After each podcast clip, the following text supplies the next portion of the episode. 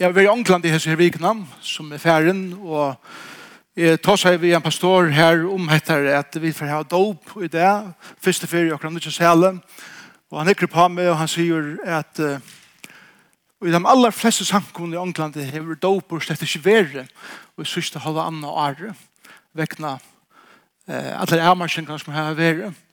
Og da han hørte meg si at her, så glettes han sammen vi og hun, og henne mulig, som vi heva, pura frutt i okra landet, er kunne gjøre det helt fantastiske, jeg kunne døypa. Og her er en siktende tikkelvei, som tidlig heva tidsi, hette troer stiger, og det er og allment vust, at det ikke er fylkja Jesus etter. En dag inn vi Jesus kom gengande fram vi strontene i, og norrsyene og Genesaretsvattnet i Galilea så ser han noen menn som stande her og renser gattene at han har vært strøst alle nottene av fiska. Og her er fiskerøy her er terre, her er steinar og alt det er imsa som skal renses ur gattene og det er stande her etter å ha vært strøst alle nottene og og røyna at få det så rent som mulig, så at lukteren ikke blir så rævlig som man blir da fisker blir rett råttene. Deia trøtter er der. Og Jesus kommer her og at vite at han er en rabbi, eller en lærare. Og største dreimer en tja en ungen jødiske mann er å slippe å fylja en rabbinare etter. Og Jesus kommer til teir, og han hikker på teir, og han sier, fylg mer. Og det stender vi til samme sleppa der gøtten og til eh, leder på hva som etter og mannene her og til fylgja Jesus. Og øyelig ofte har ut hova sier at det er fantastisk at, at, at her valgt å hette at fylgja Jesus etter. Men i halde sannleggen kanskje er nekk meir tann at da vi var så spentra som fra fratøy som det gjør det at eit og først anna var kursi bedre enn det som det gjør det bare nu. Vi først så kan det tidsas som om at jeg fylgjast vi Jesus og ta Jesus kommer til okken og sier fylg mer så kan det tidsas latt vi først jeg sier jeg er ikke fylgjast Jesus etter. Og det er det eisende ta og man teker så troer seg, jeg lette seg døypa. Jeg var 12 år gammel da jeg lette meg døypa. Og jeg yngste velger at fylltja Jesus etter av min fotla hjärsta. Men som tog en ganger så, så hender ofta det at andre ting byrja jeg drya og og løyve tjein einen brøytest.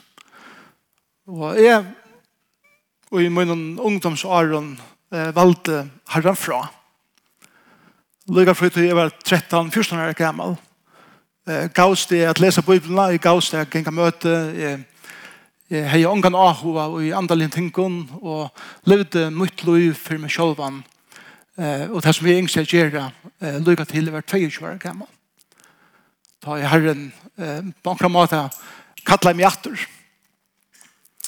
Og verileggen av løyven i sjokken ødlun er, er det samme som det er var kjallærsvann i Jesus her. At jeg vet ikke fylgje Jesus etter, og til det som vi ser noen fire, men verileggen av løyven er tamme at løyver reker okken på øyne nekka mater, og til tøyer så fettler vi, til tøyer så gjør vi det opp, til tøyer så reiser vi dere natter, og fylltjast ved Jesus, og det er størst. Og til tøyer så fettler vi natter, og så reiser vi dere natter, og så fettler vi natter, og så reiser vi dere natter. Men det er værere i løyvene, som alle tøyene minner okken av, er at, ja, men, en av her, så var det nekka i min liv som gjør det, at det er nekka som hitje atter av. Jonkron kan det være som smadrangur, heima vi hus, i bøkne med nye, vi sannsjøstasjon, så har vi mamma eller pappa munnen, og gav meg til til Jesus. Så nekka vi av er det henda løtan som vi har opplevd det, at det minnes ta jeg lært meg døypa. Minnes ta jeg allment sier at jeg ikke fylgja Jesus etter. Og ta og Jesus hukte at Peter. Så sier han vi som Peter, Peter, to eider Simon. Son Jonas, eller som vi sier, Johannes. Men tutt maun skal være Peter. Og det som Jesus sier vi Peter eller symen til løtene, er til at to erst einast hennar i løven og nu. Hette to en karakterer. Hette her som du erst bein nå og beveger i løven. Men så kjøtt som du avgjør er høyre årene fylg mer, og du byrjar fylgja mer etter, så begynner en prosess ut en løve hver er sier Jesus vi Peter og eisen vi okkom at jeg å a til en karakter meir og mer og mer til den karakteren som jeg innskje og som jeg drøymer om skal være den personen som to ein det skal være og vi vet at alle en dag skulle vi være hånd og lyk, men fire kvann det vil vi gjort hånden meira og meira lyk. og Peter og hinder lærersvagner og tar fyllte Jesus etter, og tar for vi fotlund hjerte ut i hettar, men tar høyt og ikke aner ikke fire hva det er som tar det sagt ja til. Tar helt og en rabbinare, eller en rabbinare fyllte vi noe etter, og alt for jeg ganger opp etter etter. Det er bare det hese rabbinare vær ikke som hinner. Hese rabbinaren faktisk utfordrer sine næmengar. Han lette sine nærmere ut og i omstøver hver han visste at han får fettla. Men han visste i eisen at han får oppleve at han var litt oppatt. Og Peter, han var denne typen. Jeg, jeg, jeg identifiserer nok med meg selv med Peter. Han er veldig surjaliv. Han er, han er jo nor, han er her, her norr fra Galilea, og man sier ofte, eller jeg sier ofte, at Galilea er her norr fra Lysus og Ølja, nek, gåen, ektaven, sovrøngen, som, eh, som tårer å si som er, som tårer å sette år, og som gå lysengar år, hvis det skal være, som, som uh, ofta veist, leipas det utan at uh, snakka som deg og få tingene gjørt. Peter var tanntypen, han var showmaver. Vi, vi, vi, vi, vi er en fiskande nasjon, og vi vet hvordan viktigt det är att ta initiativ. Det bara det att Joel ofta till Petrus så leipar fram av han han leip förköttas det. Och och Jesus måtte rattla igjen och leie igjen och det som det gör det vart här at ofta så gör det i missar i hans liv. Akkurat liv er så leis at som vi lever livet og vi lever sammen med Jesus, så trakker vi det ofte og syner av et eller frammanfyrir som gjør til at sår kommer i akkurat liv. Og jeg fylgjast som Jesus betyr ikke til at hei sårene færre borster. Jeg fylgjast som Jesus betyr at hei sårene blir verande her. Men han slipper å nema vet deg. Jeg råkte til å kjenne meg så mye vel etter hånden det, at til vite at mer damer vel tonleik og kunst og, og folk som har studeret David standomyndene av Michelangelo sier at ta ut til uh, hikker at har noen til David. Så legger du mest til at David så har som Michelangelo gjør seg er krullet og kunstkjennere sier at en av grunden for at Michelangelo valgte å gjøre har ikke David krullet var tog at her oppe, her som høtte nøglene skulle være, og her skulle være, høtte her som er over høtte rønt, at gjerne nekka kunstverk spørs ur hessene marmorblasjen, tar du gjør så nekva arr i, i hette her eh, materiale av marmor, at, at Michelangelo visste ordet hva han skulle gjøre vi etter.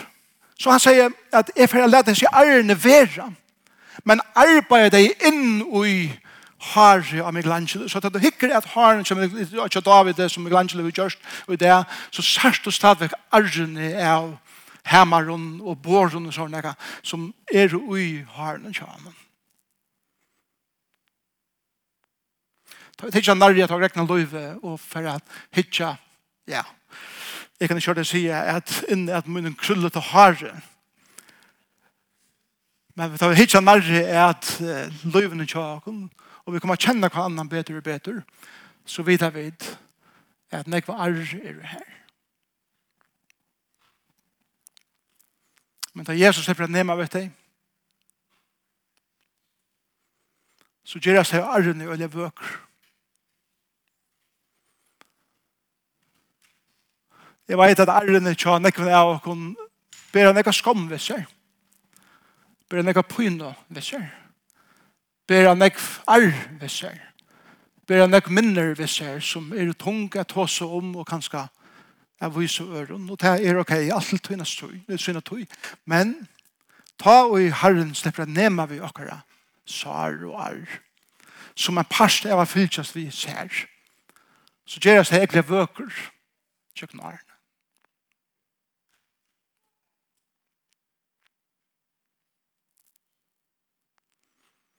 Kvalde fyrir er Jesus var krossfester. Peter fylgist stadig vi Jesus. Han er stadig i prosessen i å bliva Peter fra å være symen. Han er stadig i prosessen i at hans personlighet brøydes meir og meir, og hans karakterer brøydes meir og meir til hvordan Jesus ønsker han er vera, og hva dreimer Jesus er, er for hans liv. Så bannar han på at han ikke kjenner Jesus. Han bannar på at han er omgått til fylst vi honom.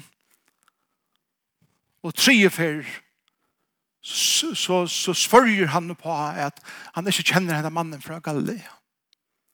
Men Jesus har sagt vi han, Peter, jeg skal be for det her. Det er bruk for min bøn.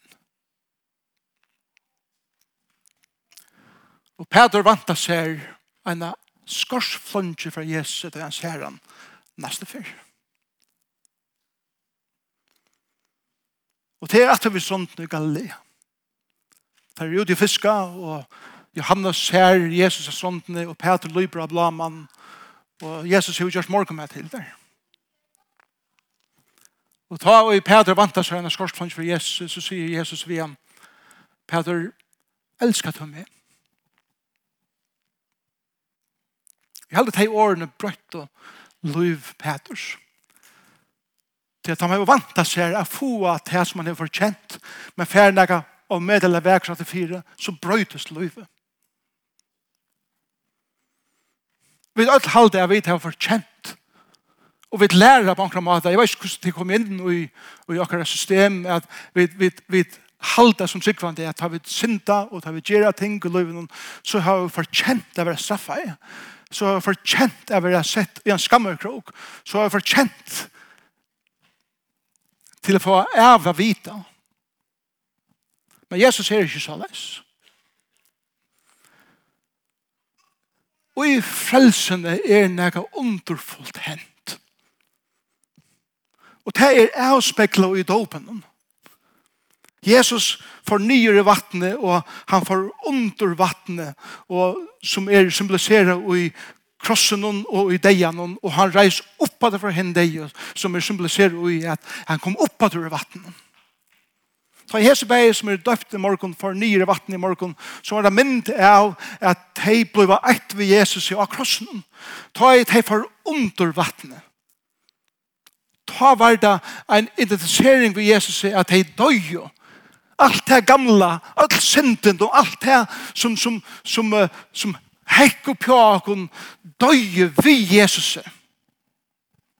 Men til bedre så fikk regn det oppfatter vatten nok kjøtt. Og det symboliserer oppresjene at det er reist opp til et nytt liv. Det er det som hender ut i løten vi gjør noe liv til Jesus. Rombra kapitel 6 sier at Jesus døye fire synder okkara, og så sier neste verset, og i Jesus døye vi fra synden okkara. Vi gjør når hun Bæra Jesus kan dødja fire synder heimsins. Det kunne vi ikke.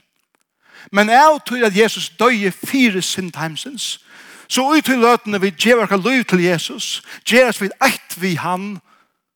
Og vi dødja fra valgte synderne. Vi ørner hon. Vi er reist opp til at livet er et spilt og nytt liv i Jesus. Som ikke er Hetta løyve at jeg er en forferdelig syndare, og jeg gjør sånn ek skreft, og det er sånn ek som fyller mot løyve, og så vi er. Det passar. Vi er ikke løst fra synden igjen, men vi er sett fri til å leve og i tog opprestende styrkene som Jesus gjør oss styrke til å leve kvann det. Lyga mye hvordan løyve seg ut. Og ta over fettla. Og ta og gjøre det som vi ikke er det yngste vi gjør det. Så sender Jesus ikke klar å slå åkne fingrene, men han sender klar å si, ja, men, elsker du meg? til han er gongt vi å prøyta den djupa karakteren i okken, a gjerast meir og meira særløyker, heldre enn ødlen hinnen, Og tog er det vidt, og tog det som hender her i det, det som vi tar vittne, er et vittne om at vi er kattlet til å leve fralses livet og Jesus.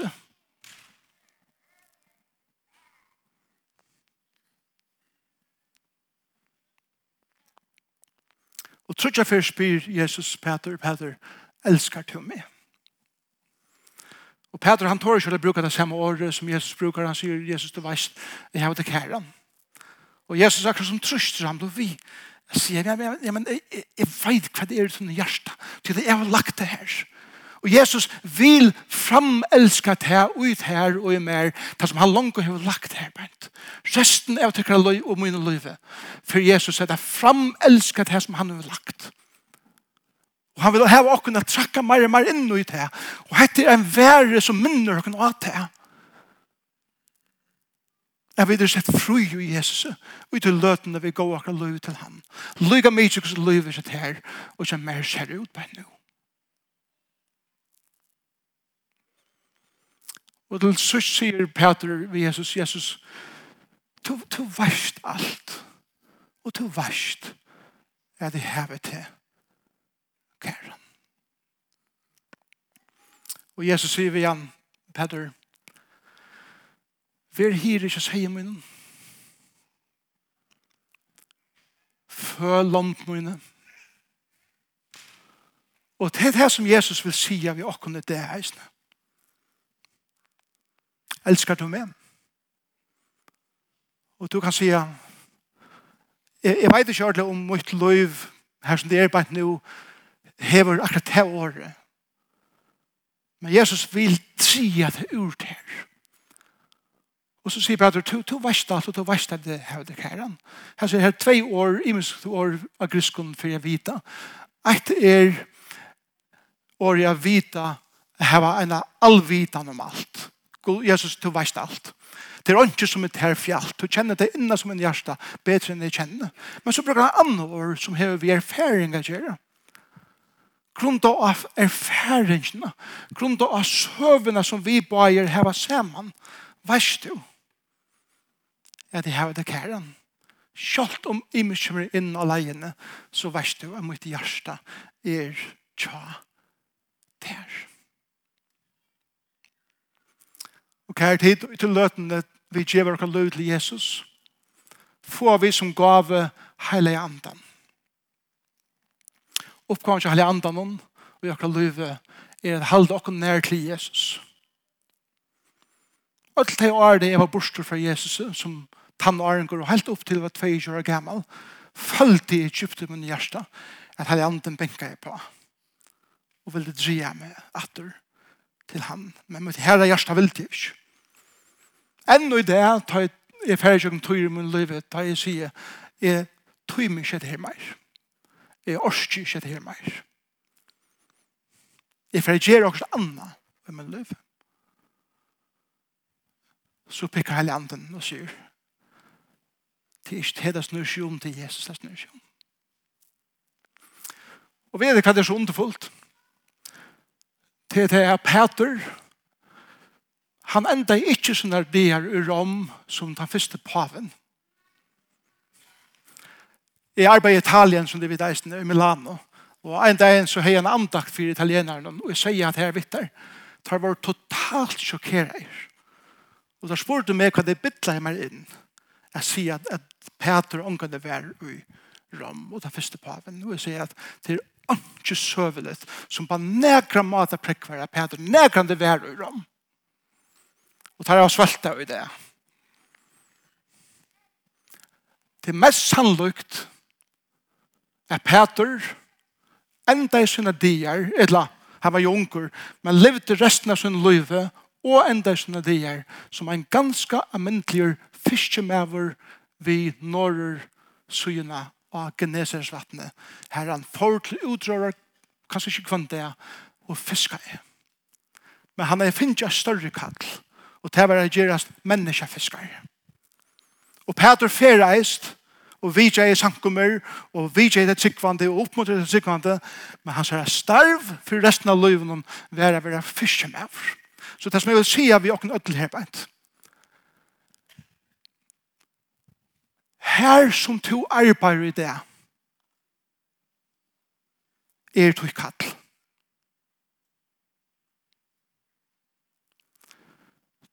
Du har kattla og kattla være fylltjast ved Jesus. Men det betyr ikke at du så skal gjøre det fotla tøy. Eller at du skal fære ut til andre land og gjøre det. Som er kattlet til det, noe helt få. De aller fleste er kattlet av Jesus her som det var og av norr i Galilea.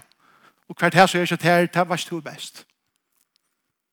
Men det som Jesus vil for her resten av din liv er at du er just her. Her Jeg sier ikke at du skal være til en arbeidsplass resten av din liv i alt, men jeg vet ikke hva du mener.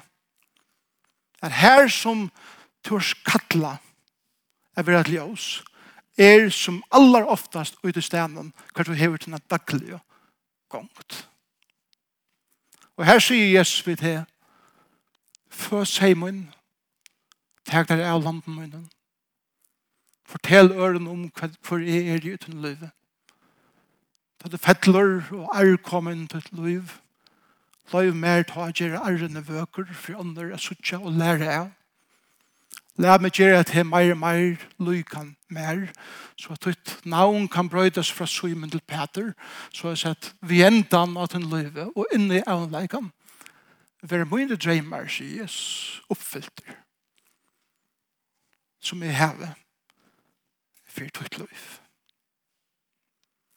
Og hese bæg som er døyft i det, for unga det å gløyma hese løtna, hva det er allment, her vurs hva det gjør. Hese bæg er ung som sitter her, ja, som er ung, jeg vet ikke, til tiba her, ja, som, som er døft i det. Og tiba er fer for resten av tyrka liv, jeg minnes etter. Men vi vet alt som er eldre, vita, at nekv imes for å komme inn i tikkara liv, så for å dria alle mulige veier. Og min bøn for tikkun er Herren skal varvada tikkun og leia tikkun resten av tikkara liv. Men det er vera tøyer, hver hetta ikkje for å ha så sånn tøtten i tikkara liv, tøy at vera drya nere senere. Men minnes ta til at Jesus elskar tikkun.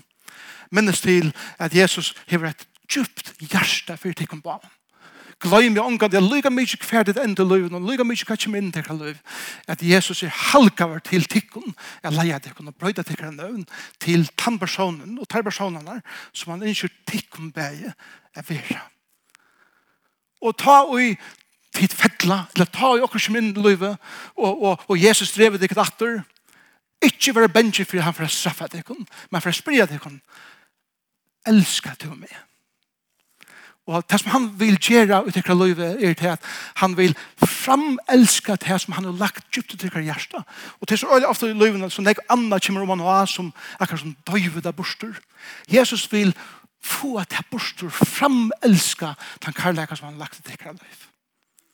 Og må Jesus signa dikon, og må Jesus leia dikon, og må han fota fed for fota fed gjøre dikon til teg som han drømmer om at hit en dag skulle være. Når han en dageren, han er just i det. at det livet kvann det, som om at, hva skal, kan man Jesus drømme for mer i det? Og vet du hva er så fantastisk? Det er at ta det søker han, og spyrje han, og er samfunnet ved han, så får han åpenbæra for det og i kjøkken heilig andan, og sitt år, og i kjøkken andre som til livet som er vi. Hva er det Jesus innskyr til hva livet? og etter sett. Men først, for en leia til inn i pura svøk ting. Så tok seg, dette kan ikke være for gode. Eller dette er for størst. Dette er for et eller annet. Kjølt og gjøkken det. Hever han store dreimer vi tykkun. Måtte herren sikna tykkun bæ. Og familien er vi. Skulle vi be oss sammen? Skulle vi enda møte i det sammen? Vi får synes ikke kunne moskene bare fære opp og gjør seg klarer at jeg spiller sørste sannsyn. Så får vi da bjøre øtlen til en drekkamån, at han var, og samfunnsløte. Og la meg si en av seg at, at uh, hese kommende vikene er vid verster. Vid er det som bjøve teimen som kommer av vidtjåkken velkommen. La dere heve et smule på ham. La dere heve ekna kontakt. La dere heve et her affære i til folk, bjøve dem inn og velkommen. Til jeg vet er det samkomma som gjør dette her møvlet. Og måtte være så at vi vil ha samkomma som om ikke for lunge gjør det hendan sjælen for Lutland. Det er min dreimer for Jesus samkomna. Så så vet vi er nødt til å fære her kanskje tvei møter kvendt det. Så det er fullt av menneskene. Har er ikke kiv åkken til her bære, for vi skal hona åkken her, og her var det deilig og glæslet den her. Han har kattlet åkken, for at noen mennesker er færre ut og være ljøs for han, og dria folk inn her, inn i samfunnet som vi tar sammen. Herre Jesus, takk for det. Som vi stande her i det, og vi tar vittna dette fantastiske vi dopen, så blir Herre om at at du hjelper oss øtlun, at hitje atter å være nokre løyve, ta vi minnast og sutja hvordan du har leit oss. Takk, Herre Jesus, for at sånne slutje værer og i tøyen ta vi ta tidsjus myst dri okken atter til jeg minnast hvordan største er jeg vil elske vår av Herre Jesus. Og jeg blir for uh, samkommende. Jeg blir for ene kvar som sitter her i det. Du kjenner hva vi er av løsleiene. Du kjenner hva hver hjert, hjerte er. Du kjenner hva svar. Du kjenner hva gleder. Og takk deg for at du slipper nema vi alt det. Og det. Prysa og ære ved tutt navn og i Jesus navn.